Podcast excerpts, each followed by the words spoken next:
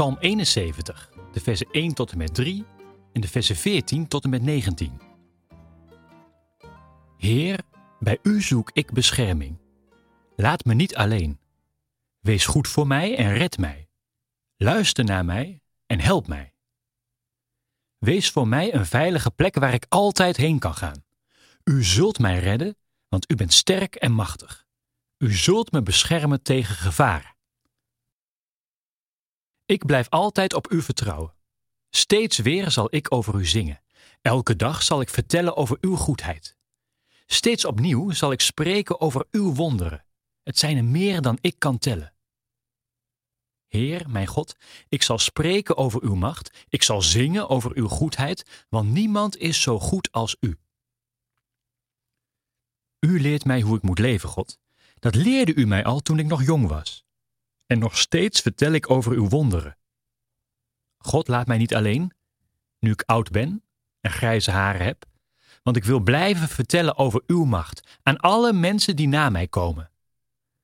God, uw goedheid is zo groot als de wereld. U hebt wonderen gedaan. Niemand is zo machtig als u.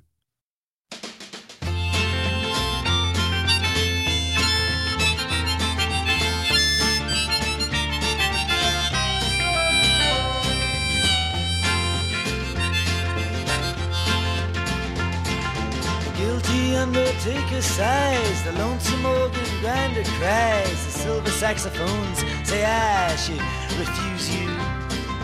The cracked bells and washed out horns blow into my face with scorn, but it's not that way. I. Als je Psalm 71 leest, kom je erachter dat hij iemand aan het woord is die al oud is en waarschijnlijk grijze haren heeft. Maar afgeschreven is deze persoon allerminst. En hij schrijft zichzelf ook niet af, nu hij op hoge leeftijd is gekomen. Hij ziet nog steeds een taak voor zich. En dat is aan mensen die na hem komen vertellen over Gods macht. Dit beeld ontroert me en doet me denken aan veel oudere mensen die iets deden van hun geloof met kinderen of met de allerjongste generatie. Ik denk aan mijn oudtante. Ze had zelf geen kleinkinderen. Maar op verjaardagen belde ze mij, haar achternichtje, altijd op. Als ik haar aan de lijn kreeg, vroeg ik haar altijd eerst hoe het met haar ging. Ze klaagde dan enorm dat ze in gezondheid achteruit ging. Ze was er klip en klaar over dat ouderdom maar niets was. Ze kon nauwelijks nog lezen en dat was de grootste straf voor haar.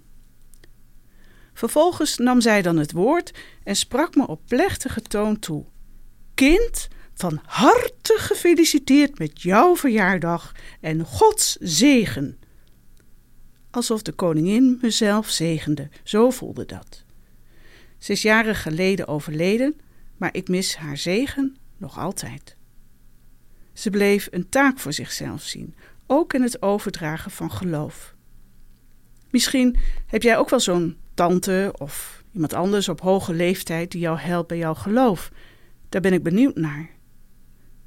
Wat de oude psalmdichter in deze psalm aan mij doorgeeft, is dat geloven iets is dat altijd in beweging blijft. Nergens is geloof in God en dat God er is een vanzelfsprekendheid.